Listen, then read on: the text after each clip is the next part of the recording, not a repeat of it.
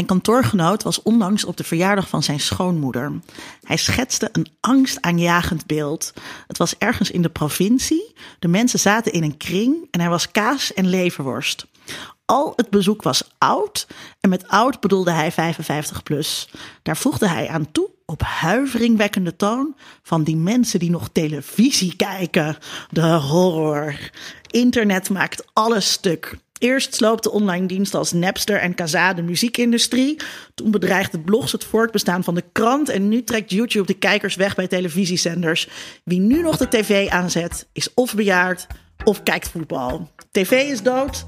Lang leven tv!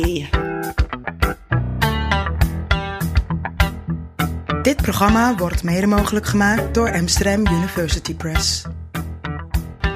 Vanuit Amsterdam is dit Onder Media Doctoren, de podcast waarin communicatiewetenschappers zich verwonderen over de media.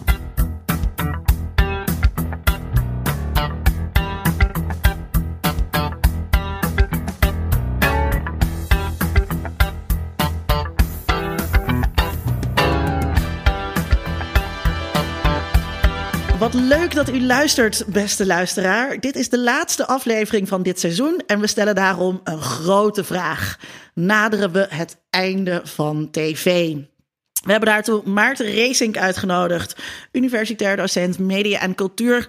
De man van het turfdraagserspad, zei een van onze studenten net, gespecialiseerd Oh. in televisie. En, En, mijn scriptiebegeleider over een scriptie over Jerry Springer, die deze week gestopt is. Dus het Kijk is wel een, aan. echt een historisch moment. En Paranimf. En Paranimf bij mijn een promotie toch ook eh, niet onbelangrijk. dat is allemaal hartstikke belangrijk. Ehm, Maarten, ik begreep ook dat je medeoprichter van een zender bent. Piep. Ja, een, eh, een, eh, een omroep. Een, ah, een omroep meteen, maar ook gewoon. Vertel. Eh, nou, wij eh, wilden in, maar dan praten we wel over 2008, 2009. Eh, wilden wij het, eh, het eh, publieke bestel in. Omdat wij vonden, en eigenlijk nog steeds vinden, althans, laat ik voor mezelf spreken, nog steeds vind, dat er dat de, de, de oude verzuilde omroepen natuurlijk al lang achterhaald zijn. Ze hebben een eh, uitzendlicentie op inhoudelijke gronden die volkomen al lang achterhaald zijn, namelijk nog uit de verzuilde wereld. Ehm, en, en dat betekent dat ze in die zin niet gelegitimeerd zijn, maar omgekeerd ook dat ze over bepaalde onderwerpen die inmiddels, of misschien altijd al wel, maar in elk geval inmiddels eh, maatschappelijk wel relevanter zijn geworden, geen aandacht besteden. Ja, dat krijg je bij zo'n bestel. En eh, zolang er nog een bestel is, dat zal niet zo lang duren, maar daar zullen we het zo over gaan krijgen. Eh, zolang er nog een bestel is en je ziet dat er dingen waarvan jij denkt dat ze belangrijk zijn, niet aan de orde worden gesteld, volkomen terecht vanuit de oude omroep gezien. Eh, dan is er maar één oplossing in Nederland en dat is zelf, zelf een omroep proberen te beginnen. En eh, welk onderwerp was het dan waar, waarvan je En vond... dat was eh, dieren en natuur en milieu en dus heette de omroep Piep. Omroep Ja. Piep. Ja, en, want dieren zijn jouw grote liefde. Ja. Je bent ook in de animal studies. Maar daar gaan we het vandaag niet over hebben. Hè, Vincent? daar hebben we het al een keer over gehad Zo- met Maarten. Precies, daar hebben we het namelijk al een keer eh, over. Luisteraar, als u dat wilt horen, dan eh, moet u maar even zoeken op de site. Ergens, ik, ik denk aflevering ergens in de 30 of in de 13, 40, 40, ja. denk Ja, ik. Ja, Precies dieren in de media was dat. Ehm, u hoorde hem al even, zoals altijd aan mijn zijde, mijn mede-mediadokter, Dr. Vincent Kronen. Vincent, kijk jij nog wel eens tv? Ja, zeker. Eh, dagelijks kijk ik nog tv. Eh, met name live televisie kijk ik toch echt heel erg graag. Eh, Eh, we, hadden, we hadden het net eh, even over voetbal. eh, dat iedereen nu voetbal aan het kijken is. Dat, dat kijk je nog. Ja, maar vanmiddag was ik even thuis en dan kreeg ik zo'n alert dat er bij Ajax een eh, live persconferentie gaat plaatsvinden. En ik vind het echt heel fijn om naar een lege tafel te kijken waar journalisten dan voor staan. En dat het dan nog even een paar minuten duurt. En dat je niet weet wat er gaat gebeuren en niemand dat ook nog weet. Dan kan ik wel echt heel lang naar een lege stoelen zitten te kijken voordat dan iemand daar iets gaat doen. Dus het, het hele idee van live televisie, dat je echt nog niet weet wat er gebeurt, wat voetbal natuurlijk ook is en, en sport, daarin vind ik televisie absoluut onovertroffen. Ja. Eh, nou ja, dat kunnen ook verkiezingen zijn of eh, nou ja, grote rampen. Soms heb ik wel eens dat het als een aantal maanden geleden is dat je denkt, nou, laat er maar eens iets in de wereld gebeuren. Dat je weer eens even een fijne avond verschillende zenders af gaan kijken van wat er gebeurt. Eh, ik zal geen voorbeelden noemen, maar eh, bijvoorbeeld terroristische aanslagen zijn. Daar kan je je wel op verheugen. Prachtige televisie levert dat op. Vooral het hele ritueel van dat er gelijk televisie wordt gemaakt terwijl niemand weet wat er aan de hand is. En andere mediatypen eigenlijk nu veel sneller zijn. Dus televisie gaat nu met name erover dat mensen zitten te wachten totdat ze iets kunnen voorlezen wat ze uit andere kanalen tot ons, eh, tot hen komen. Eh, maar dat, dat, die dynamiek van live televisie en daarna kijken, dat vind ik nog steeds eh, fantastisch. Ja. Ja, dat, ik, ik, ik deel dat helemaal met, eh, eh, met Vincent. Wat, wat ik eigenlijk, als het dan toch over rampen gaat en zo, wat ik daar vooral intrigerend aan vind, is niet zozeer dat we. Punt 1, dat je de hele tijd zit te wachten op nieuwe beelden van wat er aan de hand is. En punt 2 natuurlijk, de onvermijdelijke Maarten van Rossum, die je vertelt dat er eigenlijk helemaal niks bijzonders aan de hand is. Maar dat op zichzelf is al. Ja, de lullige deskundige, niks ten nadele van Maarten van Rossum, maar eh, er moet er dan altijd weer iemand bijgehaald worden. En vooral de rituelen die er Ja. zich dan afspelen, de draaiboeken, hebben we ook wel eens een uitzending over gemaakt, bedenk ik me nu, draaiboeken rondom rampen. Maar op televisie zie je dat heel erg sterk. Ja. Dat de wil om iets te gaan maken zonder dat er iets eh, te melden valt. Hoogtepunt was natuurlijk 9-11. Dat is het hoogtepunt geweest van televisie. En daarna werd het alleen maar slechter. Ehm, laten we het eerst even beginnen met. pardon. Laten we eerst even beginnen met. Wat is tv eigenlijk, Maarten? Ja, dat is volgens mij, dat gaat als cruciale lijn door, dit, door, dit hele, eh, door deze hele discussie lopen. Denk ik, of ben ik bang? Daarom Ehm, dacht ik, daar beginnen we even mee. Ja, precies. Ja. Ehm, eh, eh, want ehm, ik denk dat voor, kijk, voor veel mensen is televisie simpelweg audiovisuele content, bewegend beeld. Ehm, en traditioneel hebben wij dat via een kastje gekregen wat bij je thuis in de huiskamer staat, wat best wel een groot kastje is. En dat is televisie. Eh, maar dat is natuurlijk de afgelopen tijd heel erg gaan verschuiven. Eh, John de Mol zei iets van 10, 15 jaar geleden al. En we gaan naar een tijd toe waarin we allemaal televisie kijken op ons mobieltje. Wacht even. Televisie kijken op ons mobieltje. Dat lijkt mij een contra. Is, eh, dat kan niet helemaal waar zijn. Dat wil zeggen, als je aan de oude eh, definitie van televisie hangt. eh, wat hij natuurlijk bedoelt is, we gaan audiovisuele content van het soort dat we gewend zijn om op televisie te krijgen, gaan we via ons mobieltje zien. En, en, en inmiddels doen we dat inderdaad allemaal. Die, die voorspelling, nou ja, dat was toen al niet zo'n hele curieuze voorspelling.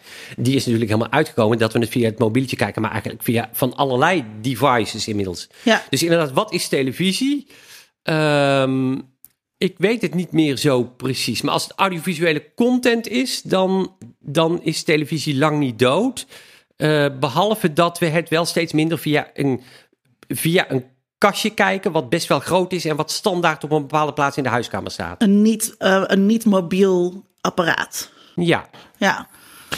Ik denk Van- toch dat als je televisie zou moeten definiëren, en ik denk dat het goed is voor de discussie, dat als je hem zo uitrekt, hè, dan komen we op een soort discussie als God is liefde. En als je liefde ervaart, dan is het God.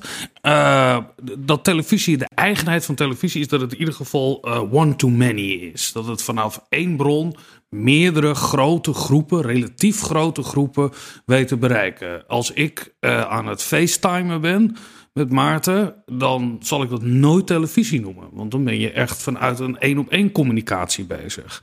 Uh, dus er moet een element in zitten van één naar vele. en, en D, waar we nu mee bezig zijn, Ja, is dat dit is geen televisie. Want? Nou ja, als we dit een beetje willen uitbenen over wat een televisie is, denk ik ook dat er een bepaalde esthetiek hoort bij wat televisie is. Deze esthetiek die je hier ziet, is heel erg eigen geraakt voor uh, wat wij, uh, een soort visual radio is dit uitgekomen. Dit zijn waarnemende camera's. Uh, die voor de rest niet geregisseerd worden. Nou, behalve de Tom die wel eens op een knopje drukt. Dus de, de, eigenheid van het medium okay, hol je volgens mij... Tenminste, je holt het begrip zo ver uit als je zegt... alles wat audiovisueel via een device komt is ja, ja, ik, nee, ik ben het helemaal met je eens. En tegelijkertijd probeer ik dan jouw nieuwe definitie... waarin je het wat kleiner maakt... probeer ik uh, te kijken uh, hoe klein of hoe groot het wat jou betreft mag worden. Dus was Big Brother uh, televisie? Big Brother was zeker televisie. Maar Big Brother was niet veel anders dan wat er hier nu gebeurd is. Ja, maar, maar de, de, de, esthetiek van Big Brother was natuurlijk heel erg doordacht en heel erg uh, zoekend naar een vorm die passend was voor televisie. Uh, Big Brother was bijvoorbeeld ook niet live. Uh, nou ja, je kon natuurlijk voor, de, voor de jonge luisteraars, je kon 24 uur per dag meekijken. Dat was geen televisie, maar televisie. Via internet kon nou. dat ook. En dan was er een half uur, geloof ik, elke dag uh, iets te zien op televisie. Wat er een gemonteerde versie was van wat er zich daar had voltrokken. Toen werd de televisie. En inderdaad, die livestreams, wat volgens mij een van de eerste grote projecten waren waar de livestreams uh, bekeken konden worden. Ja, dat was het eerste. Dat ja, is ja, eigenlijk daar werden. Het... dat, is, dat, dat is een heel mooi onderscheid. Dat was nooit televisie, was ook helemaal nooit bedoeld als televisie. Het was een halffabrikaat, wat uiteindelijk in gemonteerde vorm bij Veronica met Rolf Wouters uh, uh, vertoond werd. Nou ja, de Rolf waren de live-uitzendingen. Maar, de, maar, ja, oh, ja, ja, ja, waren de live-uitzendingen. Maar daartussendoor had je gewoon de, de, de, inderdaad de samenvattingen van de beelden van de livestreams eigenlijk. Dus als je het hebt over esthetiek, dan die esthetiek was niet anders natuurlijk. Ja, tenzij de esthetiek zat, zat zeker esthetiek in de montage. Ja. Uh, want het was inderdaad een samenvatting van. Maar verder was die esthetiek niet veel anders. En was die esthetiek in die zin, qua cameravoering, niet veel anders dan waar we nu mee bezig zijn. Namelijk, zet een camera neer en kijk wat er gebeurt. Uh, ja. Dat was het. ja, er was geen esthetiek. Dat was een van de kritiekpunten nou juist. Uh, nee, maar die, die camera's die daar hingen... Uh, dat is natuurlijk. Dat, uiteindelijk was dat een halffabrikaat. En dan kan je daar televisie mee gaan maken. Net zoals dat je Candid Camera-achtige programma's al in de jaren 50 had. Uh, wat ook gewoon iets registreert. Maar er werd televisie van gemaakt. Dus niet alles waar je een camera op zet en een livestream van hebt, wordt de televisie. Nee, maar televisie, echt televisie van maken, dat is, dat is dan soms in niet, veel, niet, veel anders dan er even wat in knippen en plakken en zo. En het, en het dan op televisie gooien. Ja. Het belangrijkste, belangrijkste wat je doet is eigenlijk het op televisie gooien. Ja, maar ik denk ook dat er dingen op televisie zijn die geen televisie zijn. Om het maar eens even nou ja, nog complexer te maken. Precies. Nou, kijk, het gaat mij natuurlijk, ik noem ja. Big Brother, maar het gaat mij veel meer om reality tv. is eigenlijk de ultieme vorm, de tussenvorm van. van uh, en volgens mij ook in een, in een aantal ook culturele, uh, wat een aantal culturele aspecten betreft, een tussenvorm tussen, tussen televisie uh, uh, en, en, en allerlei verschijnselen die we nu onder andere op het internet zien. Uh, zoals ik heb van de week een heel leuk interview gegeven aan Vice over ruzie maken. Dat doen vloggers steeds meer. En toen was ik met die journalist aan het praten en het was wel heel interessant, want hij mailde me met: Kan je me iets vertellen over ruziemakende vloggers? Ik zei: Nou, dat weet ik niet. Maar toen gingen we praten en toen kwamen we ook weer uit bij Jerry Springer, en maar ook bij reality televisie, waarin altijd conflict wordt neergezet. En dat het heel interessant interessant is om te zien dat die vloggers nu een beetje ontdekken, dat trekt heel veel kijkers. Als ik een video maak waarin ik het uitmaak met mijn vriendinnetje of we vertellen aan de wereld dat het uit is, dan trekt dat heel veel kijkers. Dus ook conflict werkt ook in vlogs. En dat is natuurlijk ook zo uh, met ruzie maken. Um, en vlogs is dan ook weer interessant, want bij een vlog is natuurlijk ook helemaal niet duidelijk wanneer iets een vlog is. Dat brengt mij bij de vraag: is het zinvol om televisie te willen definiëren als medium? Bij, bij podcasts hebben we daar ook mee geworsteld. Hè, van wat is een podcast? Is dat nou ook alleen maar een distributievorm? Of zit daar ook, zitten daar ook bepaalde uh, um, regels aan wat het moet zijn? Heeft het zin nu nog om om de tv te definiëren en ook nog om te praten van televisie. Ja, dat denk ik wel. Ik denk wel dat we. Kijk, er is een hele duidelijke afgebakende periode waarin je uh, kan zien hoe het medium zich geïntroduceerd werd. Eerst op een technische manier geïntroduceerd werd. Maar in het begin was er nog helemaal geen televisie op televisie. Er waren registraties van poppenkast of uh, een, een soort. Uh, nou, de eerste toneelstukken die daarin werden uitgezonden. Dat maakte het in, in mijn definitie van een eigenheid van het medium. kwam eigenlijk veel later, of laat, laat jaren 50 uh, komt dat op in begin jaren 60. Maar het heeft ook een eindpunt, komen we nu in zicht. waarin uh, uh, we zien het al dat bepaalde genres die zo eigen zijn voor televisie uh, steeds meer aan het verdwijnen zijn. Namelijk de, de, de, de primetime familieprogramma's. Je ziet een enorme drang, vooral in Nederland, om dat terug te laten komen. Waarin het gezin bij elkaar naar televisie gaat zitten kijken rondom een soort spelletjesprogramma. dat verdwijnt nu. Dus ja, ik denk dat het wel zinnig is om zo'n uh, dat, dat in, in tijd en in vorm af te baken. Om te begrijpen van wat het was. We gaan even naar een jonge maker die ook zo zijn ideeën heeft over televisie.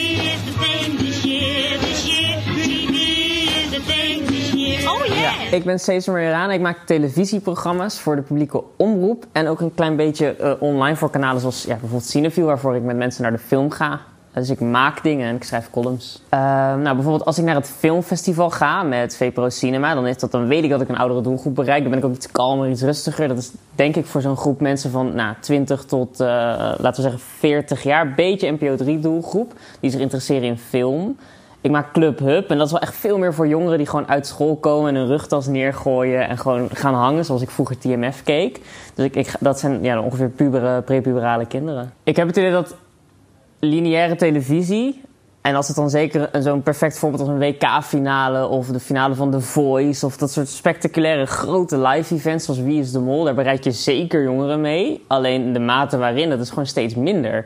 Ik heb het idee dat als ik nu mijn Instagram live aanzet, dat ik echt zo'n één klap meer jongeren bereik dan NPO 3 op dit moment zal doen vanavond. Voor mijn generatie, ik ben in 96 geboren en ik denk dat het zo voor iedereen die na 1990 geboren is, heeft tv een soort ja, magie. Ik, ik, ik zie dat, ik merk dat aan mensen. Als ik zeg van nou, ik heb een documentaire gemaakt, dan is het oké. maar als ik een documentaire heb gemaakt en hij is zondagavond te zien, dan vindt iedereen dat, dat worden mensen geil van. Um, dus ik denk dat er is, er is zeker een fetish nog voor televisie, maar die is, voor de jongste generatie is die er bijna gewoon niet meer. Ik, ik heb ja, mijn zusje echt, die wil gewoon dingen meteen live zien. Die, die is ook de eerste als een video is geüpload ergens. Is mijn zusje een van de eerste mensen die zegt, dit was een goeie. Je kunt je voorstellen, lineaire tv spreekt echt een grote groep mensen aan. Maar die mensen zijn wel 40. En een van, nou, er zijn drie grote problemen bij de publieke omroep. De eerste is, um, er gaan gewoon kijkers dood eigenlijk. Dat is een groot probleem. Ik weet van de VPRO weet ik dat er gewoon maandelijks abonnees wegvallen. Uh, het zijn er best wel veel. En dat is dan niet omdat die mensen de VPRO niet meer leuk vinden of geen tv meer willen kijken. Maar die gaan gewoon dood. Dat zijn gewoon oude mensen. Dus um, de, de, groep kijkers slinkt, want ze gewoon te oud worden. Die vergrijzen totaal. Um, je hebt het probleem dat jonge mensen te weinig worden aangesproken. Want die herkennen zich ofwel niet in de programmering... of die zijn veel drukker met wat Enzo Knol uploadt... of Monica Geuze uploadt dan wat NPO 3 uitzendt... om een bepaald tijdstip, zoals maandagavond om 4 uur. Of maandagmiddag. Um, en dan is het derde probleem... is dat de gemiddelde leeftijd van de kijkers... nu nog steeds gewoon te hoog ligt. Dus... uh, dat, is gewoon, dat is gewoon niet de meest gezonde groep mensen om iets aan uit te serveren. Maar die groep is heel groot. Je moet daar wel iets voor blijven maken. Dus er wordt ontzettend veel tv gemaakt op dit moment... die gewoon geert naar 40ers, 50ers en ouder. En dat is prima. Die mensen die, die, kijken wel echt graag tv. En die hebben anders ook geen plek om hun meubels op te richten. Weet je wel? Hoe zet je anders je woonkamer in elkaar? Dus er wordt genoeg tv gekeken. Um, en, en, en weet je wel, er wordt iedere avond met het journaal worden nog steeds bijna 2 miljoen mensen bereikt. Dus daar, daar, hoef je niet, daar hoef je geen zorgen over te maken. En daar hoef je niet druk over te maken. Je moet je zorgen gaan maken over de kwaliteit van die kijkers en hoe lang dat houdbaar is. En ik merk dat gewoon mijn doelgroep totaal online leeft en zich niet zo bekommert om wat er op tv gebeurt. Dus ik ben heel blij dat we bij de publieke omroep inmiddels al de stap maken dat we gewoon een hele kwalitatief goede jongerenprogrammering maken. Uiteindelijk uiteindelijk is YouTube een soort bibliotheek momenteel. En uh, ik maak me er heel druk omdat hij vol met troep zit. Zeg maar, als, het, als het letterlijk een bibliotheek zou zijn, zou je gewoon alleen de story in de schap hebben. Omdat RTL bijvoorbeeld een hele grote partij is online. Uh, en omdat ook vloggers zichzelf gewoon nog niet, niet kritisch genoeg zijn op wat ze maken. En ook gewoon nog niet echt het niveau of de middelen hebben om dat echt heel goed en uh, kwalitatief te doen. Um, dus ik, zou, ik, zie, ik zie alleen maar dat er een super grote rol is voor de publieke omroep de komende tijd. Om gewoon het niveau op YouTube, om daar echt een leider in te zijn. En dat gewoon echt allemaal wat beter te maken. En die digitale bibliotheek die uh, YouTube nu is, een soort van te vullen met kwalitatief goede, goede dingen, met de mooie boeken. Ik vind bijvoorbeeld de lange gesprekken die nu bij 101 Bars worden gemaakt. Tussen uh, Rotjoch en mensen die een grote rol spelen in de hip-hop. Die zijn super belangrijk om een jonge generatie te laten zien dat er achter die hele muziek en al die coole rap shit, wat ook super groot is via 101 Bars, wat echt een grondlegger is van uh, NPO Online. Um, het is super belangrijk dat je gewoon ook dat soort gesprekken voert over de muziekindustrie. Met de mensen die jongeren interessant vinden. Ik vind uh, een programma als Boos, wat echt alleen maar bij de publieke omroep gemaakt kan worden, omdat het met zoveel zorg wordt gedaan, vind ik ook een aanwijsvoorbeeld voor iets wat, wat, wat, wat voor mij een soort van culturele leider is. Een aanwijsvoorbeeld van zo kan het en zo moet het zijn online. Uh, voor mij is tv puur het feit dat het binnenkomt op dat apparaat in je woonkamer en dat het lineair is. Dat maakt de televisie. Um, dat apparaat in je woonkamer is inmiddels niet meer de televisie, want dat is gewoon een scherm geworden. En daar heb je ook je Netflix op. Maar het feit dat er iets op dat scherm gebeurt wat iedereen tegelijkertijd aan het kijken is, dat is tv. En dat dat lineaire, dat vind ik wel. Ik vind het ergens ook romantisch of zo. Dat ik zo hetzelfde scherm aan, aan het bekijken ben als iemand anders. Dat is. Met internet heb ik nooit het gevoel dat ik hetzelfde internet aanraak als de rest. Terwijl met televisie heb ik dat wel. En om daarover te kunnen praten en om de volgende ochtend iets te hebben om bij de koffiemachine te bespreken. Ja, daarvoor kijk ik wel tv. Ja, dus, dus het idee van internet-tv, dat is wel, dat is ook iets wat alleen maar mensen van, uh, uh, wat, wat zeg maar. er zijn mensen die internet-tv zouden zeggen. En dat, is, dat gaat zo voorbij aan het ontzettende de ontzettend grote mogelijkheden die je online hebt. Omdat je, je kan, ik kan nu 360 graden uploaden op YouTube. Waarom zou ik het überhaupt tv willen noemen? Dat is bijna een soort belediging van wat ik dan aan het maken ben. Dus wat ik maak met Club Hub, wat gewoon iedere dag live is... en waar we kijkersvragen binnentrekken... en waarin we zeg maar echt op avontuur gaan en rondrennen in een studio... en als ik zeg van we slopen het raam en we rennen naar buiten, dan kan dat. Ja, dat is voor mij meer dan tv. Dus ik ga dat ook nooit tv noemen. Dan maak je het kleiner mee dan het is. En dan, en dan wil ik als in het verlengde daarvan zeggen: iedereen die praat over content, die doet alleen maar wat marketeers willen. Ik vind ook het woord content ranzig. Dat is ook, daar moeten we ook mee ophouden. Kijk naar het aanbod. Uh, uh, Boos is een, is een serie over. Uh, Boos is een serie waarin we problemen van jongeren oplossen. 101 Bars is een platform met hip-hop muziek. Noem gewoon de dingen bij wat ze zijn en probeer uh, dingen niet meer te reduceren naar, oh, dat lijkt op wat vroeger het traditionele tv-aanbod was. Want dan op een gegeven moment, als ik dat met Club Hub zou doen, dan zou ik ook weer live webcams in beeld hebben. Dan zou ik zo heel de dag als Miushka zo op de bank liggen. Ik, uh, ik ben juist blij dat we weer een stapje verder zijn dan dat. Dus ik, ik, ik vind tv zijn veel manieren voor mij als jonge maker bijna een soort belediging. Radio was great, but now it's out. TV is the thing this year. Maarten, Cesar Majorana zegt... tv is voor mij als jonge maker eigenlijk een belediging. Wat vind je daarvan? Weet je waar, waar het mij op een bepaald moment aan deed denken? Maar dat, dat geeft alleen maar aan hoe oud ik ben. Uh, uh, maar het doet mij denken aan, uh, aan, aan, aan die eerste representanten van de punkbeweging. Uh, die ook riepen van die oude popmuziek, dat is echt belediging voor de, de, wij zijn de echte. En dan, en dan met, met werkelijk krankzinnige rommel aankomen en dat op de markt gooien. En zeg maar, dat is, dat is echte muziek. Uh, uh, en, en, en daar kijken we dan toch ook een aantal decennia later weer, nou ja, laten we zeggen iets meer nuance mm-hmm.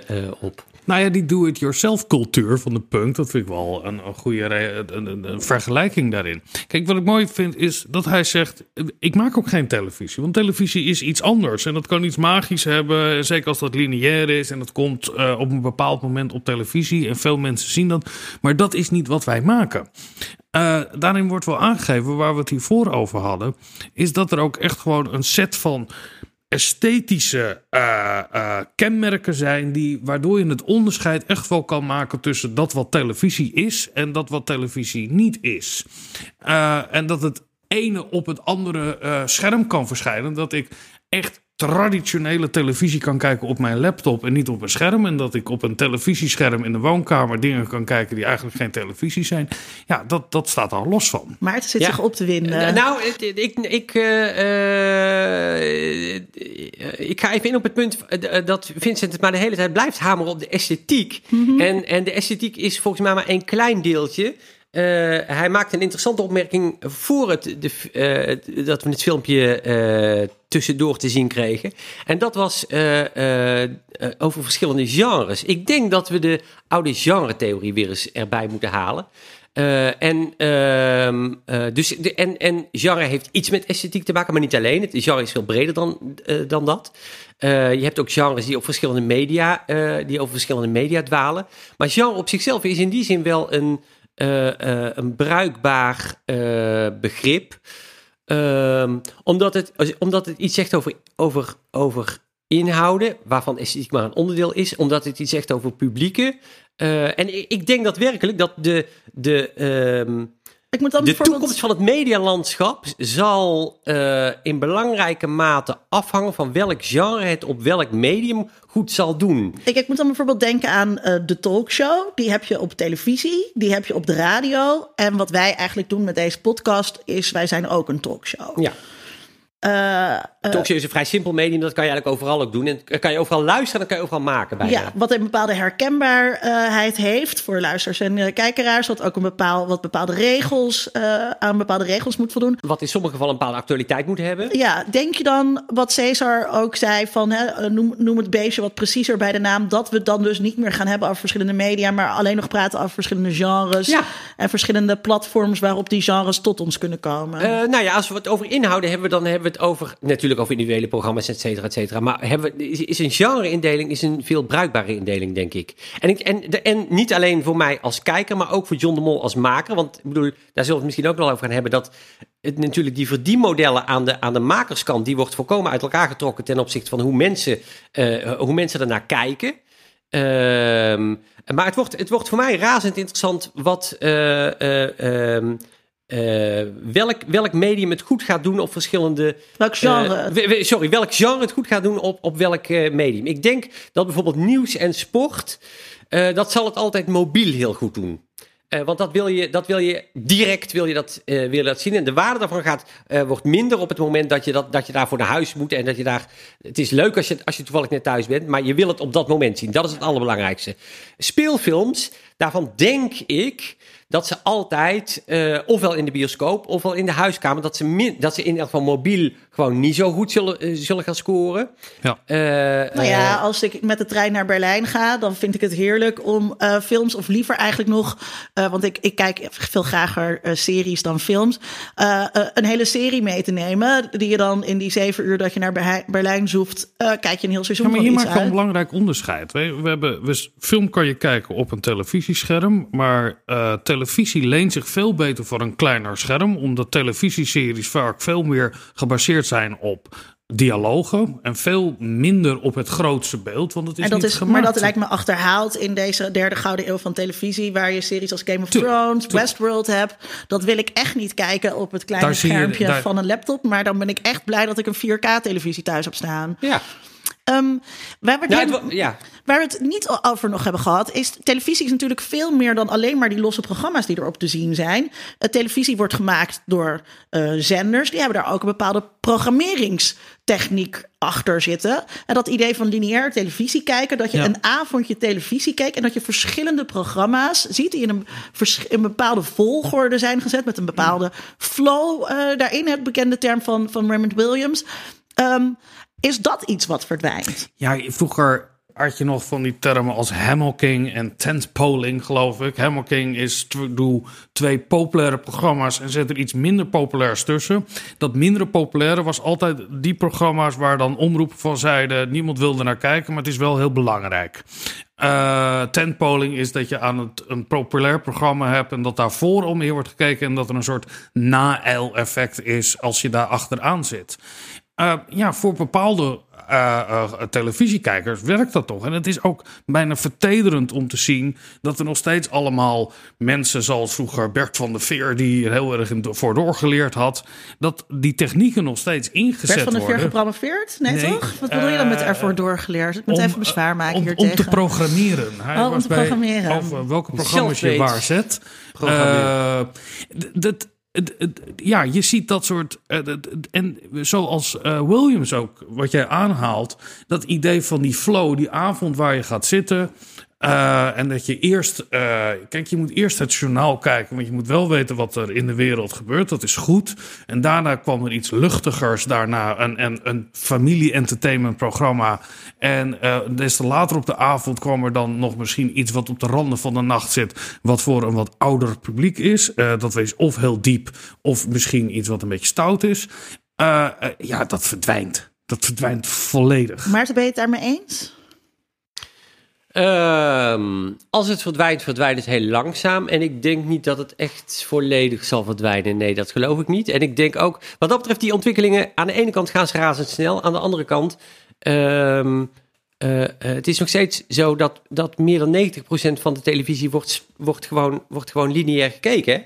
Ik bedoel, ik, als ik tegen mijn studenten vertel... Van, als ik dit tegen mijn studenten vertel, geloven ze me niet. Dan kijken ze, is ze echt aan te kijken van... Nou, hij heeft zijn feit niet helemaal op een rijtje. Dus, en, en het voorbij, nou, dat vind ik tot daaraan toe, want zij leven in een wereld, en zeker de mediastudenten, Dat zijn jonge mensen die, nog heel erg met, die ook heel erg met media bezig zijn. Maar in die zin leven wij in de mediawereld, en daar reken, daar reken ik ons ook toe. Wij leven in een mediabubbel van mensen die voorop lopen, veel van media gebruik maken, veel van nieuw media gebruik maken. Wij hebben niet door wat de meerderheid van. Ook in dit opzicht hebben wij niet door wat de meerderheid van Nederland doet. En die kijken gewoon nog keurig lineair televisie. En voor, voor, voor heel veel mensen werken dit soort dingetjes dus nog gewoon.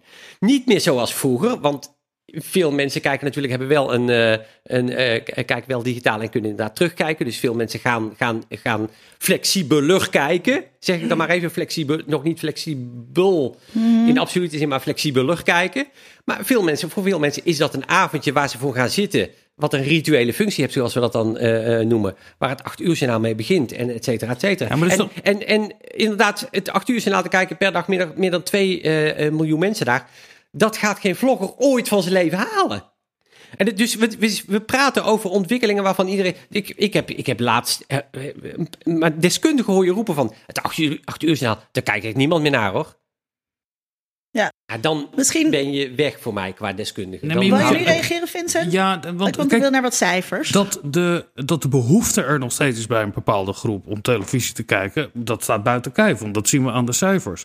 Alleen die groep die zal steeds kleiner worden. En het is ook nog eens een keer heel vervelend dat het precies en die groep de- die wordt steeds kleiner omdat het mensen zijn die doodgaan. die doodgaan. er komen geen Eh, nieuwe televisiekijkers Precies. bij. En die groep die daar nog wel kijkt, die zijn heel erg oninteressant voor adverteerders. Eh, Ja, het waar. zijn juist de groep waar je van denkt, nou ja, die eten al hun hele leven BCL, dus die ga je echt niet meer overtuigen om iets anders te gaan doen. Dus het is niet alleen dat het de behoefte er nog wel zal zijn, maar het aanbod zal ook steeds kleiner worden, want de mensen die ernaar naar kijken, die doen er niet toe. komen we straks nog even over te spreken. Ik ben eerst benieuwd, hoe zit dat inderdaad nou eigenlijk? Wie kijkt er nog televisie en hoe sterk of hoe snel neemt dat af? Throw away your Een mogelijke generatiekloof zie ik als ik met mijn familie televisie ga kijken. Vooral als opa en oma erbij zijn. De kinderen, waaronder ik, zitten op hun iPads en smartphones, terwijl de grootouders en mijn ouders naar de televisie staren. De jongere generaties lijken niet meer gediend te zijn van traditioneel televisie kijken. Opa en oma zijn daarmee opgegroeid en lijken daar dus niet snel van af te vallen. Toch daalt onder alle leeftijden de lengte van televisie kijken per dag. Waar komen die generationele verschillen vandaan? En is dit het begin van het einde voor televisie? In 2016 keek de gemiddelde Nederlander 3 uur en 3 minuten televisie per dag. Dat is 3,7% lager dan in 2015. In 2017 was het nog maar 2 uur en 58 minuten, wat weer een daling is van rond de 3%. Nederlanders kijken per jaar steeds minder televisie, maar die daling is veel herkenbaarder bij jongere Nederlanders. Piet Bakker schreef in 2017 voor de SVDJ, het Stimuleringsfonds voor de Journalistiek, een rapport over hoe jongeren afscheid nemen van traditionele televisie. In 2016 daalde de duur van televisiekijken bij 65-plussers met 2 minuten, terwijl de duur bij mensen onder 35 met 14 minuten daalde. Wat zij kijken, als je dat televisie wil noemen, gebeurt via de mobiele apparaten zoals hun laptops en smartphones. Het tweede scherm is steeds belangrijker geworden en lijkt bijna het eerste scherm te zijn waar jongeren naartoe gaan voor entertainmentprogramma's. Daarnaast wordt er op social media ook aandacht besteed aan televisie. Volgens data analytics bedrijf Nielsen werden in 2013 maar liefst 990 miljoen tweets verstuurd die gingen over het medium. Deze dialoog noemt Nielsen social TV. Sociale televisie lijkt de redding te zijn voor kijkcijfers op het moment. Met de mogelijkheid om te stemmen via je mobiel en de mogelijkheid om programma's te kijken via je smartphone. Maar dit is vooral gericht op de jongere generatie. Ouderen zijn opgegroeid met grote scherm in de woonkamer en met innovatie op gebied van Netflix en YouTube lijkt sociale televisie met de tijd het aspect van televisie te doen verdwijnen.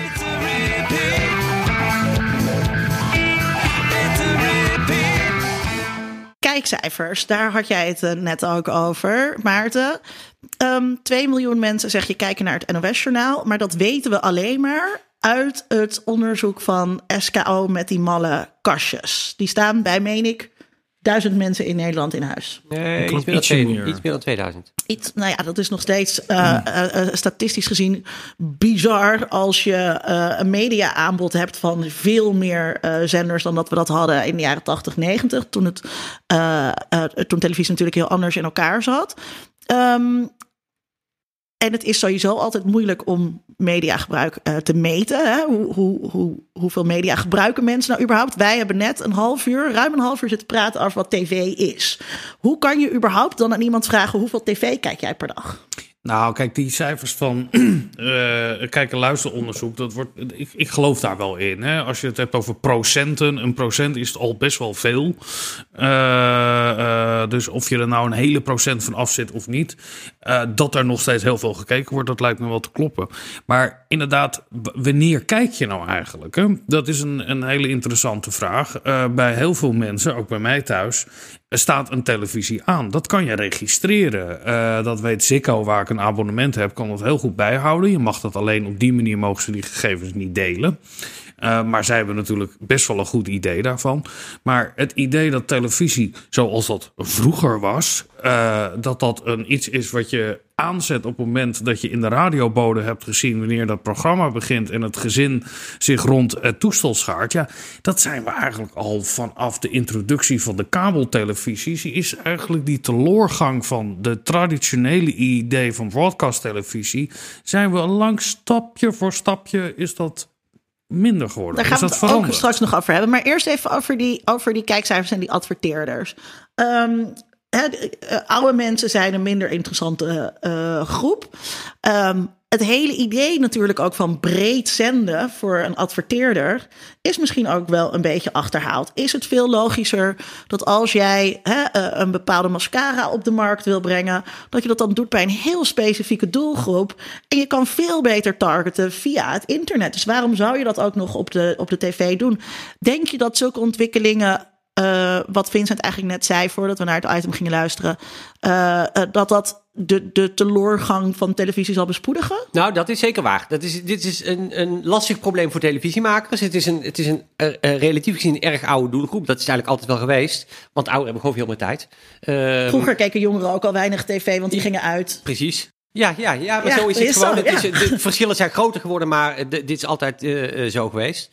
Ehm, en eh, daar komt bij natuurlijk dat inderdaad eh, eh, een oudere, oudere doelgroep is voor ad- adverteerders in zijn algemeenheid minder interessant. Kijk, eh, voor grote adverteerders, voor naamsbekendheid, is het nog steeds. Want dan wil je een grote groep bereiken. Dus dan, dan is het juist wel goed om die grote groep te bereiken. Dus voor sommige producten bij niet eens sommige doelgroepen, maar bij een zo groot mogelijke doelgroep is het nog, is het nog steeds wel een interessant eh, eh, medium. En, en soms ook wanneer je mensen op een bepaald moment wil bereiken. Want bijvoorbeeld een van de nadelen van eh, zelfs van populaire vlogs is dat mensen het op hele verschillende momenten kijken. Dus dat is nadelig voor een adverteerder die niet weet wanneer mensen kijken. Maar het is ook nadelig voor kijkers, want die kunnen het de volgende dag bij de. Het is al even gezegd wat een functie voor de, van televisie is voor de kijkers.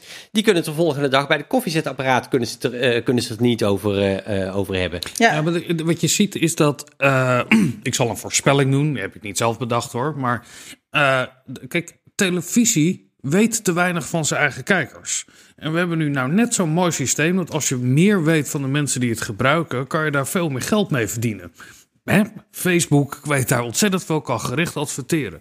Dus je zal zien in de komende jaren, en daar zijn al nu de eerste experimenten mee, dat jij bijvoorbeeld een voetbalwedstrijd kan jij op nu.nl kijken. Eh, ook live, dat, kan je, dat zou je televisie kunnen noemen. Dat kan je ook gewoon op je televisie eh, doen. Maar dat mag je alleen doen als je gegevens achterlaat. En dus er zal steeds meer gezocht worden, zeker door John de Mol, eh, met SBS en RTL, wat dan ook, om een soort koppeling te maken, wat ook in het item werd gezegd bij Nielsen, wat dan social TV heet, om de mogelijkheid te hebben dat je eenzelfde soort advertentie, dat je die advertentiemarkt die miljarden is teruggelopen van televisie naar online, weer een deel daarvoor terug te gaan halen. Dat zal eigenlijk de strijd worden. Krijg je het technisch voor elkaar om televisie op eenzelfde manier te laten functioneren als online advertising? Eh, dat zal betekenen dat we eh, eh, veel vaker op basis van onze gegevens die wij gewillig zijn achter te laten, mogen gaan kijken. Wij mogen alvast een aflevering kijken van een nieuwe serie als we daar onze gegevens achterlaten. Je mag meestemmen aan het programma als eh, So You Think You Can Dance als je je gegevens achterlaat. Als je een app installeert op je telefoon die ook nog allerlei andere data van je opzet. Precies, dat is de enige weg waarop het kan. En wat eh, over nagedacht wordt, is dat eh, de- de- bij broadcasting is het altijd een heel. de- de- het is schieten met hagel natuurlijk. En dat kan heel goed voor grote merken. Als je zegt van, zoals Maarten zegt, of het nou Douwe Egberts koffie of Mercedes of wat dan ook is. Eh, er zal ook gezocht worden dat je veel meer lokale reclame gaat krijgen op jouw televisiezender. Dus dat de lokale eh, slager of de aanbieding bij de Jumbo bij jou in de straat op televisie is waar jij zit te kijken. Als ze dat technisch niet voor elkaar krijgen, dan is er geen verdienmodel meer. Want adverteerders zijn niet geïnteresseerd en zal een heel groot gedeelte van wat wij nu televisie noemen verdwijnen. Wat ik heel interessant vind, Ja, is, is dat de RTL ehm, is hier heel erg mee bezig geweest. Die hebben een vrij vroeg eh, stadium bedacht dat zij heel erg moeten inzetten op die vloggers, eh, op die kanalen. Eh, RTL heeft dus ook een groot aantal eigen kanalen. Die hebben een aantal vloggers onder contract staan, best wel vaak ook wurgcontracten, zoals we die kennen uit de platenindustrie, hè, waar, je, waar je vroeger bij de platenindustrie een, een contract tekende. of bij je- reality tv. of bij reality tv, waarbij je niet kon bedenken dat je later ooit meer geld zou gaan verdienen. Eh, en, en, Mooi, en een paar jaar later denk Ja. je, wat, wat heb ik toch gedaan? RTL heeft ook ingezet op met het kopen van Videoland bijvoorbeeld, Ja. om in die strijd vooruit gaan. Ehm, Blinde paniek is het, hè? Het heeft, het- het- je ziet dat RTL en ook andere... het komt voor eh, mij juist over als een heel doordachte, effectieve strategie. En dit kan de publieke omroep toch helemaal nooit bijhouden? Nou, ik, kijk, nee, er is niet echt een strategie wat er nog achter zit. Het is ontzettend zoeken. Eh, er is gewoon paniek bij eh, dit soort grote organisaties. Dat ze zien dat het huidige model niet meer werkt. Het levert ook veel te weinig geld op. Dat er nog steeds wel mensen kijken. Maar ja, die doen er niet zoveel toe dat die mensen er naar kijken. Dus ze, ik zie het veel heel meer- snel, maar eh, ze grijpen alles aan nu door populaire mensen in je eigen stal te krijgen om online dingen te doen. Eh, met Videoland, wat ik een hele rare naam vind van alle namen die je kan verzinnen, is dat je de, een titel neemt van dat bedrijf wat in niet meer bestaat, want het is achterhaald. Maar ja, dit terzijde. Eh, eh, zie je dat ze daar enorm op Maar dat aan is het echt heel inzetten ouderwets zijn. gedacht, want op, op, op, je kijkt ook op YouTube, kijk je video's.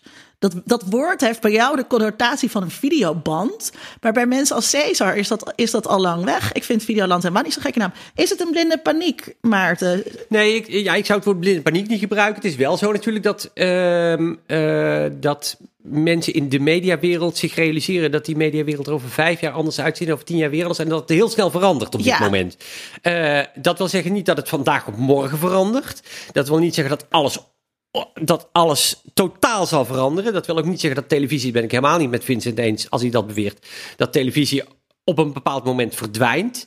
De krant is, er is geen enkel medium is bijna verdwenen. De Telegraaf. Eh, eh, be- behalve een medium wat. De telegram. De te- het telegram met de Bestaat telegraaf. ook- Ja. ja. eh, eh, dus ik, ik denk dat er voor televisie nog wel degelijk een plaats is. En dan kom ik toch weer terug op een begrip wat ik eerder introduceerde, namelijk genre. Het gaat erom om te bedenken waar de verdienmodellen zitten per genre. En waar die verdienmodellen koppelen aan bepaalde media. Dat Ja. is echt gewoon de truc. Nou ja, ik Maar- zou ook niet dat het verdween. Ik heb gezegd dat als je een bepaald genre betaalbaar wil hebben. Stel je voor dat de rechten voor een WK voetbal eh, niet meer bij de publieke omroep liggen. Hè? Dat we niet meer die tientallen miljoenen daaraan uitgeven om het gratis te zien. Dan zal er een verdienmodel moeten worden bedacht. Wat meer is dan een, eh, het hele oude eh, eh, on-demand dat je dan moet betalen per wedstrijd. Maar dat wordt een verdienmodel waarin de schijn van gratis. Hey, iedereen zit gratis op Facebook. Dat is niet gratis. Dat zal, hetzelfde model zal ook gezocht worden op televisie. Ja, toch nog. Ik wil toch even naar, naar eh, eh, RTL versus de, de publieke omroep. Wie, want je ziet dat RTL heeft ook het geld. Die zijn daar vroeg mee gestart. Heel lang heeft natuurlijk onze publieke omroep eh, online helemaal laten liggen. Waar ze eigenlijk echt helemaal niks mee Ja, ja. deden. Ehm, Ze mocht ook niet, hè? Kan, kan de publieke omroep blijven bestaan, Maarten? Kan dit model zoals we dat nu hebben blijven bestaan?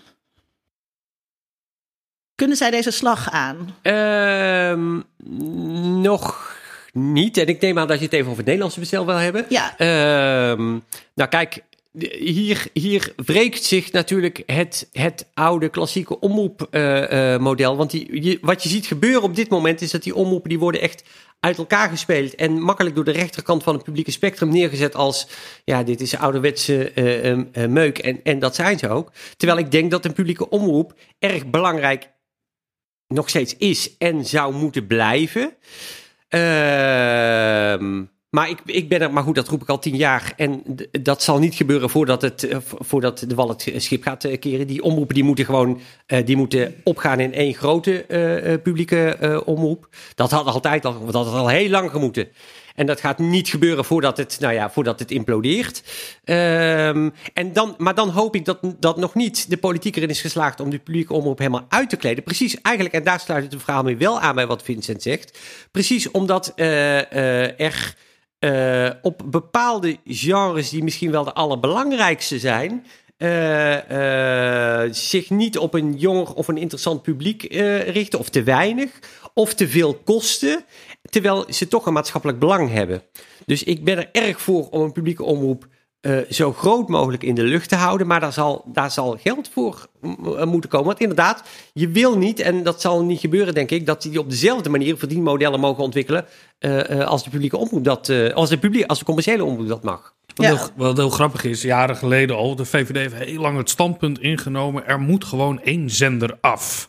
Dan heb je één distributiekanaal minder, dus dan wordt de publieke omroep goedkoper. Dat geeft me aan hoe ontzettend ouderwets daar toen nog gedacht werd, dat je één kabeltje niet meer door het zand hoeft te trekken om dat naar je televisie te halen of wat dan ook. Kijk, die kanalen, die Nederlands eh, NPO 1, 2, 3, daar gaat het natuurlijk helemaal niet om. Het gaat erom over dat die, eh, eh, die programma's eh, eh, bij het publiek komt. En je ziet ook een verschuiving dat mensen on demand kijken en dat soort eh, eh, dingen. Waar doen. trouwens de, eh, de NPO nu geld voor wil gaan vragen. Sowieso, ik heb eh, Ja. de app eh, NL Ziet, eh, waar ik in hoge kwaliteit naar programma's kan kijken. Niet alleen van eh, RTL, maar ook van de publieke omroep. Omdat het nog steeds zo beroerd is om uitzendingen gemist eh, te kijken. Maar dan moet ik dus geld gaan betalen voor iets waar ik al via de belasting geld voor betaal. Dat, dat wringt natuurlijk ook ergens. Dat, dat, dat je, je hebt er al voor betaald en dan moet je extra betalen om het later nog eens een keer te mogen terugkijken. En dat zit hem dan in dat je daar. Ik weet bij de Ster, eh, binnen de mediastudies is er nu een enorme trend gaande in de, in de zin van we moeten iets met datastudies. Hè. We moeten daar iets meer van begrijpen. En eigenlijk we kunnen mediastudies niet meer bedrijven als we niet ook beter begrip hebben van data. Zo sprak ik een keer iemand van de Ster. Die hebben een schat aan informatie daar eh, zitten over wat mensen online allemaal doen, waar ze naar kijken. En, en zij beheren ook die reclames die daar zijn, maar ze mogen er niks mee. Zij mogen niet gerichte reclames laten zien. En je kan daar ook heel makkelijk een soort opt-out voor hebben. Want niemand doet een opt-in natuurlijk. Dus zij zijn aan handen en voeten gebonden. Daar komt nog eens een keer bij dat de publieke omroep. Er is in Duitsland net een uitspraak geweest dat de publieke omroep geen geschreven teksten meer op de site mag hebben. Want dat is concurrentievervalsing met commerciële partijen. Dus dan krijg je eh, een soort contextloze eh, vergaarbak van oude uitzendingen die je dan mag eh, eh, bekijken. Dus ja, ik, ik zie het wel zwaar in. En wat Maart zegt over genre. Ja, ik geloof heus wel dat de lobby van de publieke omroep zo groot is. Die is namelijk al 100 jaar heel erg groot. dat er altijd wel een paar. En of het nou zenders zijn of niet, dat maakt het dus Dat- niet meer dat uit. doet er niet toe, dat doet er niet toe. Maar dat er ergens een, nog een journaal zal zijn, of dat er eh, ergens eh, zwaar gesubsidieerde, belangrijk. zwaar gesubsidieerde documentaires ergens vertoond moeten worden. Eh, ik vraag me af of dat belangrijk is. Ik, ik, ik vind het. nee, ik, ik, het is denk ik fijn dat je een rampenzender hebt ergens. Als, als er een of andere gifwolk uit het botlekgebied komt. Maar ik zie eigenlijk niet een, eh, een idee van een soort objectieve, neutrale, staatsgefinancierde omroep. Nu klink ik heel rechts, geloof ik. Hè? Eh, Niet veel rechtser eh, dan die vorige keer dat je zei dat journalisten die een fout begaan meteen ontslagen moeten worden. Maarten, reageer eens. Wat, Nou wat ja, vind jij? Nou, het, het, eh, ik, zou, ik zou bijna zeggen, je zou hem, je zou hem zijn tenminste moeten, moeten ontnemen. Oh, Want dan gaat hij weer, ja, zo ken ik hem ook weer. Wel weer, hij gaat wel heel kort door de bocht. eh, eh, het- er zijn weinig mensen die, die het, ehm, die het belang van, van onafhankelijke journalistiek zouden betwisten. En eh, eh, nu zal ik niet zeggen dat het RTL Nieuws niet, eh, eh, niet onafhankelijk en niet een keurig journaal is. Maar het NRC wel- het is ook een commerciële partij. Ja. Ja, ja, ja. ja eh, ehm, maar de, de, de krantenwereld zit nu nog wat anders in elkaar dan de televisiewereld. Los, da- los daarvan. eh, eh, eh, nou ja, we hebben allemaal een, wat is het? Een week geleden gehoord dat John de Mol erover denkt om heel RTL maar op te kopen. Eh, dus we kijken, nou heeft John die ambities niet, hè? Maar in principe is, eh, roept Vincent nu van ja, het is in principe wel keurig om een, om een Nederlandse Berlusconi te hebben. Die, prima, die kan dat eigenlijk best wel eh, het, me- het meest, meest keurig zakelijk eh, regelen. En wat is er mis met zo'n journaal? We gaan, dan, dan, dan open je de weg, Nou, maar op zijn minst, zoals- voor, een, voor een Nederlandse Berlusconi. En dat is precies het gevaar natuurlijk van wat je krijgt op het moment dat, Ja, maar je, dat, je, de, dat je de journalistiek aan de markt Maar overlaat. wie zijn de aandeelhouders van de grote uitgeverijen? Dat zijn wat, eh, wat, wat Belgen die daar zitten. Die noemen we toch ook niet dat er een soort Belgische dictatuur door Nederland is. Omdat ze een outlet hebben. De best bezochte eh, eh, de NRC, de kranten die gelezen worden. Daar hebben we nooit een probleem over gemaakt. Eh, en terwijl dan zeggen, ja, dan moeten we één bron hebben, de, de NOS, die het voor ons eh, het, het objectieve neutrale Nee, nee, nieuws nee, maar je hoort, mijn, je hoort mijn woorden als objectief of neutraal ook verder niet gebruiken. Maar wat is belang dan? Maar die, die, financiële centralisatie, die financiële centralisatie, dat is eigenlijk wel weer, dat is eigenlijk ook wel weer een, eh, een, aparte, een apart, eh, aparte aflevering. Ehm, jij zei net van, ik, wil, ik, ik vind het niet nodig dat er allemaal zwaar gesubsidieerde documentaires uitgezonden worden. Ehm, als je op Netflix naar documentaires kijkt, dan zijn die van een verschrikkelijk belabberd eh, niveau. En nee, wij ik ben het helemaal niet eens. Dat Er staan vind ik hele prima. goede documentaires. Er zijn ook goede, weet je, niet alle documentaires. Je mag niet generaliseren, maar, maar wij zijn natuurlijk in Nederland heel erg goed in documentaires eh, maken. Wij produceren hele goede documentaires. Op het moment dat wij dat, dat, dat die strijd eigenlijk verloren wordt met die buitenlandse streamingdiensten, is er dan, dan verliezen we dus ook die documentaires. Nou, ik denk op het. Of Ja. denk je dat Netflix die ook gaat aankopen? Ehm, Dead Air. ik, ja, ik, ja, ik, ik, zal hem beantwoorden. Ja, dat gaat verdwijnen. Die artistieke, persoonlijke documentaire... waarin iemand eh, eh, in anderhalf uur gaat uitleggen... eh, waarom zijn moeder niet van, van hem houdt. Eh, eh, dat gaat verdwijnen. Want er is... eh, eh, zo'n ik heb zelf in de. Nou, nu ga ik wel uit school klappen. Ik heb zelf in, het, in een, in een eh, commissie gezeten voor de beoordeling bij het Mediafonds van documentaires. Dat is het rondpompen van geld. Dat is dezelfde club mensen die steeds weer ergens aan de beurt komen om 180.000 euro te krijgen. om drie kwart jaar aan een documentaire te werken. En die documentaire mag alleen gefinancierd worden. op het moment dat een omroep er al in zit. Die moet voor 5% meefinancieren. Dat was het systeem vroeger. Dus je hebt ook de garantie dat het er is. Die, eh, die omroepen die zitten ook heel dik in de festivals natuurlijk. Dus die eisen ook dat die documentaires daar vertoond worden. En het komt nog een keer op televisie en dan een tijdje online. Dat was een volstrekt gesloten circuit. Dat alleen maar kon bestaan omdat daar geld voor beschikbaar was. Eh, Wat dat- met heel veel dingen in het leven zo is. ja, dus je kan je afvragen: eh, is, de, eh, eh, is er de steun in de samenleving, blijft de steun in de samenleving om hier per jaar die 25 miljoen, dat het ongeveer was, eh, voor vrij te maken? Ik denk van niet. nou, maar, ja, dus het zijn twee vragen. Denk je, dat die, denk je dat die steun blijft? En vind je het wenselijk dat die steun blijft? Oh, ja, ik, Zijn- vind, ik, zou het heel, ik zou het heel mooi vinden. Ik vind het prachtig. Ik vind ook. eh, Oh, je vindt het gewoon je vindt het een hele trieste ontwikkeling, Ik vind maar hij is hele triest- onvermijdelijk. hij is onvermijdelijk, maar het is een trieste ontwikkeling. Ik denk dat we, eh, en dat zal dat zie je ziet het al gebeuren bij de musea. Dat is misschien een, een, een wat, wat, wat vreemde vergelijking. Maar je ziet dat het Rijksmuseum zich als veel meer als een commerciële organisatie is gaan ontwikkelen. Met bepaalde themaavonden, met grote sponsoring daarbij. Om maar dat, dat, dat instituut in stand te houden. Het is het Rijksmuseum, mind you. Het is gewoon een overheidsdienst. Dat zal je ook zien met allemaal dit soort ontwikkelingen. Waarin eh producenten als Netflix, die gewoon een, miljard gaat investeren in Europa om content te maken. Maar ook Vice veel beter en sneller zijn eh, in het produceren. En wat het interessante is, dat, waar we over begonnen, daarmee zullen bepaalde genres veel meer onder druk komen te staan. Eh, die zullen of op een andere manier gefinancierd moeten worden. Maar dat we nog 180.000 euro uittrekken om iemand een, zijn verhaal te laten doen in 75 minuten, absoluut niet. Ja, nu, maar nu gaan we, nu gaan we in op details. dat Nu, nu gaan we in op details. Eh, Daar vallen aparte discussies over te voeren. Maar in zijn algemeenheid eh, eh, pro- proef ik alsof je het toch wel met me eens bent.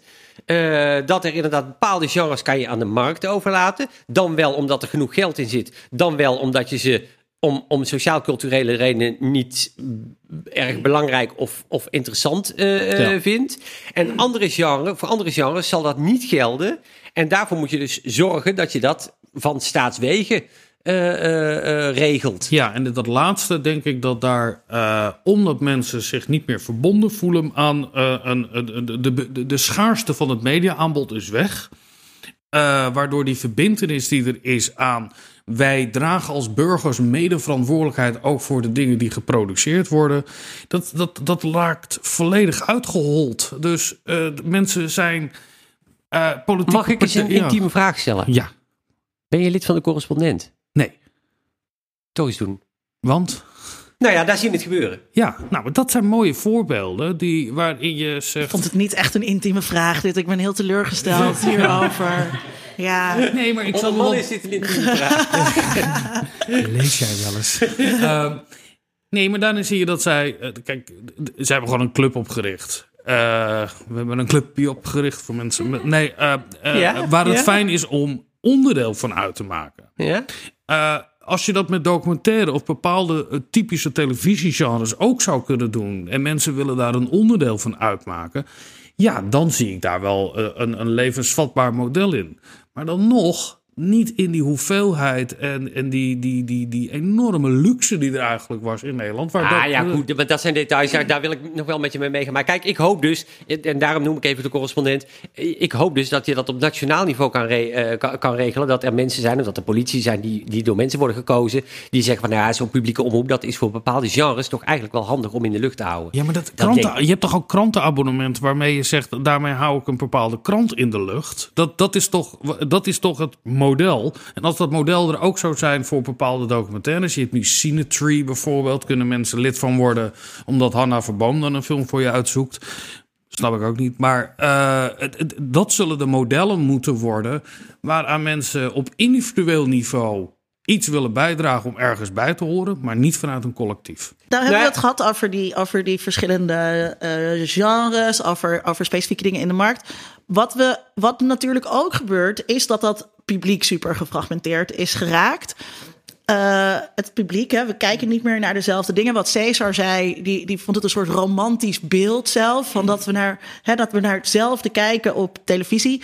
Ehm, eh, dat, dat neemt dus ook af. Wat doet dat nou voor de sociale cohesie in Nederland? Ik, ik weet nog heel goed dat er een oratie was van Klaus Schönbach, waarin hij het zelf zei of het aanhaalde. Dus eh, excuus Klaus als ik je verkeerd citeer. Maar de introductie van de videorecorder zou een ontwrichtende werking hebben op eh, eh, de gezinnen in Nederland. Of in ieder geval de sociale cohesie. Want wat zouden mensen dan gaan doen? Die zouden gewoon televisieprogramma's gaan opnemen. En helemaal niet meer op hetzelfde moment dat Ja. met elkaar gaan beleven. Nou ja, hè, dan moet je een dag later bij het koffiezetapparaat iemand zeggen van... Nou, wat vind je ervan? Ik heb het niet gezien, want ik heb het opgenomen. Eh, dat was de zorg die er in de jaren... eind jaren 70, begin jaren 80 over was. Ja, ik denk inderdaad dat er op bepaalde punten de sociale cohesie uit elkaar zal vallen. En ik denk dat we daar de politieke gevolgen eh, nu aan de lijve ondervinden. Maar ja, ook daar denk ik weer een slagje anders over dan Vincent. Eh, ehm, het is een heel ik- gepolariseerde uitzending, dit. Het valt wel mee, het valt wel mee. Alleen hij, hij, slaat, hij slaat steeds de spijker loeihard, maar niet mis. Dus dat moet dan even hersteld worden. Maarten, Eh, mijn grote leermeester, corrigeer mij, corrigeer mij. Laaf Eh, mij. ehm, kijk, ehm, eh, eh, tot op zekere hoogte is het natuurlijk zo dat er een, dat er een fragment, dat er sprake is van een fragmentering. Eh, want het aanbod is eh, eh, compleet divers geworden. En we kunnen het kijken op welk moment we willen. En tegelijkertijd zie je, je ziet, dus dat, dat zie je gebeuren. Aan de andere kant zie je ook een andere ontwikkeling, namelijk het WK voetbal, waar we nu met z'n allen naar kijken. Het daadwerkelijk ook is, het zo, zo is dat we daar met z'n allen naar kijken. En met z'n allen bedoel ik dan wereldwijd. Die kijkcijfers, die schieten elk jaar eh, eh, elke vier jaar schieten ze weer door het, door, het, door het plafond. Met andere woorden, met andere woorden die romantisch, dat romantische idee wat net werd geopperd door, Caesar? die, door Caesar. Eh, dat gebeurt gewoon. Dat gebeurt gewoon. En dat is ook een van de, een van de reddingen van televisie, als je het zo zou mogen zeggen. Eh, nogmaals, los van waar we dat precies kijken, dat kunnen we op ons mobieltje kijken of waar dan ook. Maar dat gebeurt ook gewoon. Het gebeurt, het gebeurt natuurlijk ook zo dat we, eh, want dit is gewoon een probleem wat, nou ja, wat iedereen die enigszins in de series is, dat ben ik zelf helemaal niet, maar die herkent het probleem dat je hebt net een geweldige serie gekeken en de volgende dag kom je bij het ko- koffiezetapparaat en tegen de een die heeft al, al die is al twee series verder en die heeft zoiets ja oude koek en de andere die zegt ja maar ik ga dit over twee weken kijken dus zeg er nog helemaal niks over. Dus dit is een van de dingen die vroeger bij televisie toen nog allemaal op hetzelfde moment naar hetzelfde keken die nog wel daar eh, handig voor was en die nu langzaam zeker aan het verdwijnen is totdat we naar bepaalde genres, naar bepaalde programma's of je kan natuurlijk als, eh, als televisiemaker kan je ook een event creëren. Want de WK's en EK's en dat soort van dingen. En, en begrafenissen en, en kroningen, die worden extern ge- georganiseerd, om het zo maar te zeggen. Alhoewel televisie daar een belangrijke partij bij is. Maar je kan natuurlijk ook als televisiemaker zelf iets creëren. Neem The Voice, neem nou ja, dat soort van eh, dingen allemaal. Waar jongeren nog wel degelijk ook weer in geïnteresseerd zijn. Al was het maar, blijkbaar, omdat dat iets romantisch is. Dat Ja. we daar met z'n allen romantisch, dat was televisie vanaf het allereerste begin. En dat is dus iets wat zelfs voor jongeren nog een aantrekkelijke, eh, eh, een aantrekkelijke eigenschap van televisie is. Wat ze dan maar weer op andere kanalen of via andere genres alsnog gaan beleven. Maar makers zijn daar natuurlijk ook heel eh, actief mee bezig om daarnaar te zoeken. Het werd net ook al gezegd hè, dat sociale televisie eh, een belangrijke eh, ding is geworden. Ehm, eh, spoilers op sociale media wil je vermijden als je bepaalde series kijkt. Dus kijk je snel. En dat betekent dat we misschien niet allemaal op maandagavond om half negen kijken. Maar eigenlijk toch wel een beetje allemaal op maandagavond. Want anders dan kan je Twitter niet aanzetten. Dan heb je het al gezien.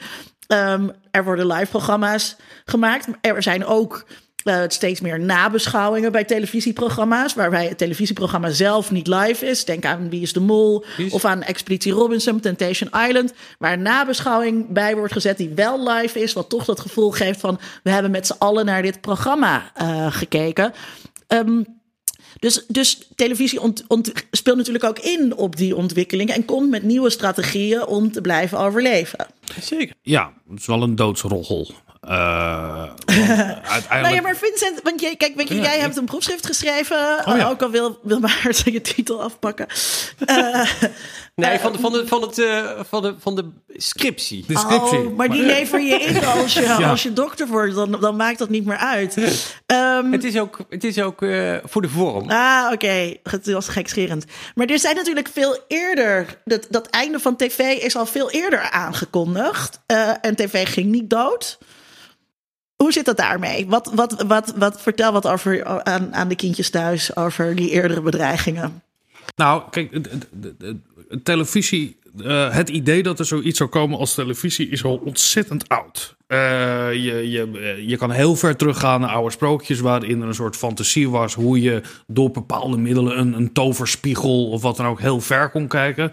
Dat was overigens altijd live. Televisie, Eh, eh, ver precies. kijken. Uh, maar zo in de late 19e eeuw kwamen er de eerste uh, experimenten op. En uh, mijn, mijn, mijn goede collega William Uricchio heeft ook altijd gezegd... eigenlijk is... Toen kwam film op, maar film is eigenlijk een soort halffabrikaat... op zoek naar, dat, naar het medium televisie. Want dat was het ultieme natuurlijk. Uh, die, toen er uiteindelijk het technisch ook uh, mogelijk werd dat dat ontstond... dan zie je dat de bedreiging zat hem niet zozeer in dat mensen er niet naar wilden kijken. Maar de bedreiging zat er met name in dat het als een heel erg machtig iets gezien werd. Uh, als een heel groot cultureel fenomeen dat zou kunnen plaatsvinden. Waar uiteindelijk we nou ja, als we het goed inzetten, de wereld beter van zou worden. Dus moet het wel in de juiste handen zijn, wordt letterlijk gezegd. Of het zou ons gaan ondermijnen en we zouden allemaal tot programmeerbare zombies worden die op de bank hangen. Of verkeerde ideeën hebben van vrije jongens die niet eh, politiek eh, op de juiste positie zaten. Dus die dreiging die is altijd vooral vanuit een, een, een, een zorg geweest, een angst geweest voor de culturele, sociaal-culturele invloed daarvan. Een idee dat het medium zou verdwijnen in die zin. Ja, dat is eigenlijk iets wat pas in de laatste jaren opkomt. Je had altijd wel kleine fracties in, in eh, eh, strenggelovige mensen of eh, zo ontzettend hoog opgeleid. Ja, ik kijk zelf nooit televisie. Maar ik weet dat uit een ander onderzoek, dat was geloof ik anderhalf procent in Nederland die geen televisie keek. Kortom, een bedreiging in de zin zoals nu dat het medium zelf gaat verdwijnen. Eh, ja, daar, daar staan we nu wel voor het eerst in de, in de geschiedenis van televisie staan we daarvoor. Eh, ja, maar de discussie is, als je het ietsje breder ziet en ietsje meer historisch eh, eh, besef hebt, is natuurlijk al. Is, Nou, dankjewel Maarten. is, is natuurlijk al zo oud als de wereld, want dat hoor je bij elk medium waar een nieuw medium bovenop komt. Dan, gaat het, dan roept iedereen het oude medium. ja, het oude medium ja. is verdwenen. Ja. Ja, Nee, nee, maar er is een ver- nou, dat gebeurt nooit. Nee, er is altijd een Ik idee van een een soort ver- verdringingsperspectief. En zelfs de vinyl. Oh, nou. We, hadden twee Zelfs- weken geleden hier Mark Deuze en die zei cassettebandjes zijn weer helemaal terug. Maar ik Ja. wil nog reageren. Kijk, ik geloof ook heel erg in het medium televisie in de zin als het gaat over verslaglegging over terrorisme, oorlog, eh, sport, wat ongeveer hetzelfde is, en die grote media-events eh, die plaatsvinden. Vraag is er natuurlijk, hoe kan je daar geld mee verdienen? Dat, dat wordt de grote vraag over hoe je dat gaat doen. Eh, dus als die, die dwingende live-uitzendingen, ja, die zullen zeker overeind blijven. We gaan eh, naar het einde van de aflevering. En Nu dan al? proberen we altijd een antwoord te bedenken op de vraag. En ik denk dat de vraag is niet zal tv voortbestaan, maar hoe zal tv voortbestaan? Ehm wil jij eerst het woord en dan geef ik Maarten het laatste woord? Ja. Of neem ik zelf het laatste woord? Neem Ga ik zelf het laatste bedenken. woord, ja. ja, jij eerst, Vincent. televisie zal voort blijven be- bestaan, uiteraard. Maar de vorm en de genres die daarop zullen, zullen heel erg afhankelijk zijn van de mogelijkheden van financiering die daaraan gekoppeld worden. Eh, dat zal heel erg definiëren over wat het medium, eh, eh, hoe het medium eruit gaat zien. En daarin zal ontzettend veel gekeken worden naar wat we nu in online media. Dit televisie kijk je ook online natuurlijk. Maar dat het heel erg zal gaan over de kennis die bij de maker moet zijn over wie er naar kijkt. Dus dat anonieme televisie kijken, wat gratis is uit de algemene middelen, wat op onze televisie getoond wordt, is in, denk ik, op sterven na dood. Maarten, hoe zal televisie voortbestaan? Ehm, als Vincent bedoelt met eh, manier van financiering, als hij dat iets breder, eh, n- als hij daar iets breder mee bedoelt, verdienmodellen. Ja. Want dat is, financiering is het ene, maar je moet eraan verdienen. Dat, eh, of daar zitten mensen naar te zoeken natuurlijk. Dan ben ik het eigenlijk daar helemaal mee eens. Het enige wat mij, wat mij nu nog wel verbaast, of wat, wat, eh, wat ik niet helemaal in kan schatten. En het, het, het- nogmaals, volgens, voor mij heeft het echt iets met genres te maken. Het is inderdaad, verschillende genres zullen op verschillende eh, eh, platforms verschillende eh, verdienmodellen hebben. Dat zie je eigenlijk al sinds de jaren tachtig op televisie gebeuren.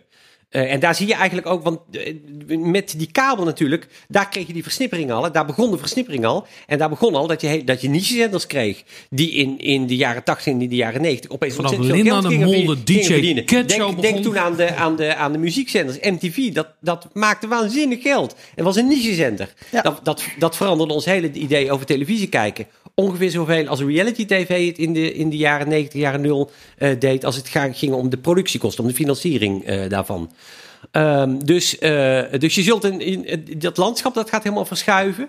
Eh, maar televisie zal daar altijd een, eh, denk ik, een, een rol in spelen als, als thuisbioscoop. Ik vind dat in die zin nog steeds een hele goede benaming, omdat het aangeeft waar het goed in is, namelijk groot, mooi beeld neerzetten. Kom ik toch een beetje terug op, op jouw esthetiek. Maar sommige genres zijn gewoon mooier, Ja. worden mooier in beeld gebracht en zijn mooier op die manier eh, te bekijken. Wat ik wel opvallend vind als laatste, en daar kan ik nog niet helemaal plaatsen, is dat ik merk dat bij veel van mijn studenten, die gaan een grote film, terwijl ze thuis zijn, terwijl ze voor, een, voor het grote, bijna bioscoopgrote scherm eh, zouden kunnen gaan zitten, gaan ze dat toch op hun, op hun eh, niet op een mobieltje, maar wel op hun, op hun laptop zitten kijken. Daar begrijp ik echt niets van. Blijkbaar is, blijkbaar is de laptop gewoon een soort van je, je, je, je default Maar die, medium maar die studenten die hebben toch helemaal geen groot scherm meer hangen? Nee, maar zelfs, nou, eh, sommigen niet. Maar als ze het hebben, hel- eh, hengen- eh, hebben hangen, dan nog gaan ze op hun laptop zitten kijken. Ja. Dat vind ik echt zo raar. Ja, kijk even naar de studenten die hier zitten. Is makkelijker. Je moet je laptop aansluiten aan de tv en dat is een stap te ver. Dat zegt ook weer iets over technische skills eh, Aardsluid deze generatie die, die, die hier zijn. Ik, ehm, Linda, wat vind jij? nou, ik, ik vind het dus wel interessant dat we hebben vastgesteld dat die programmeringsstrategie, dat dat verdwijnt. En ik denk dat dat iets is wat eh, bijna nu al lastig uit te leggen is aan die jonge generatie die eh, in de late jaren negentig is eh, geboren. Die kennen dat nog wel, want die weten dat dat, dat dat zo is. Maar dat je de tv aanzette en dan dingen voorgeschoteld kreeg. Een hele avond lang. En dat je dus ook. Ik, ik zat naar muziekjes te zoeken vandaag over televisie. En dat hele idee van dat je dus een avond aan het zappen was. en dat er dan niks op de tv was. Eh, doe maar, eh, er is geen bal op de tv. Ehm, eh, dat, dat verdwijnt. En dat vind, dat vind ik heel interessant. eh, dat dat verdwijnt. En ik denk natuurlijk voor de rest. Ja, die lineaire televisie. eh, in de zin van live televisie natuurlijk. eh, blijft dat. En al die prachtige dingen die er te zien zijn op de televisie. Maakt ook niet zoveel uit. op wat voor scherm je dat nou eh, precies kijkt, denk ik. Ik gun het medium grote oorlogen. Ik zou bijna willen zeggen. Ik, ik gun jou weer een terroristische aanslag. Ja. En dan kun sowieso iedereen in televisie, want een leven zonder televisie, daar moet je toen niet aan denken. Ja, dat is ook, ik hou ook echt van Ja. televisie. Dat is wel. eh, dus ik zou het ook heel vreselijk vinden als dat weg zou zijn. Maar dat gebeurt niet. Lieve luisteraar, dit was aflevering 75 van de podcast onder Mediadoktoren. Het is een mooi jubileum. Dank u wel dat u erbij was. Dit was dus ook de laatste aflevering van dit seizoen. Wij gaan op een welverdiende zomerbreak en we zijn er ergens in september, denk ik weer. Als u ons mist, raden we u ons ons rijke archief aan. U kunt trouwens ook terecht bij mijn andere podcast, Geeky Dingen, die deze zomer wel doorloopt. Hij gaat over geeky dingen. Je nou gewoon Dus. cross-promotie Ja, doen? precies. Echt, eh, Als het u niet. leuk lijkt om zelf ook podcastmaker te worden. En Oh u ja. bent nog student, solliciteer dan op een van onze vacatures. En dat kan nog tot 15 juli. Zoals altijd, alle informatie staat op ondermediadoktoren.nl. Graag dank ik Maarten Reesink voor zijn aanwezigheid en inbreng. Fijn dat je er weer was. Ook bedank ik de redactie van deze podcast. Tom Aalmoes, Narien Esmael en Frederik Tijlers. Extra speciale dank deze keer aan Vincent. We hebben het weer een heel seizoen met elkaar 75. uitgehouden. Ja, 75 afleveringen. Ben je Op het al naar de zat? 100. Op naar de 100. Nou, dat gaan we doen. Tot na de zomer. Onder Mediadoktoren is een podcast van Vincent Kronen en Linda Duits. Meer informatie vindt u op ondermediadoktoren.nl.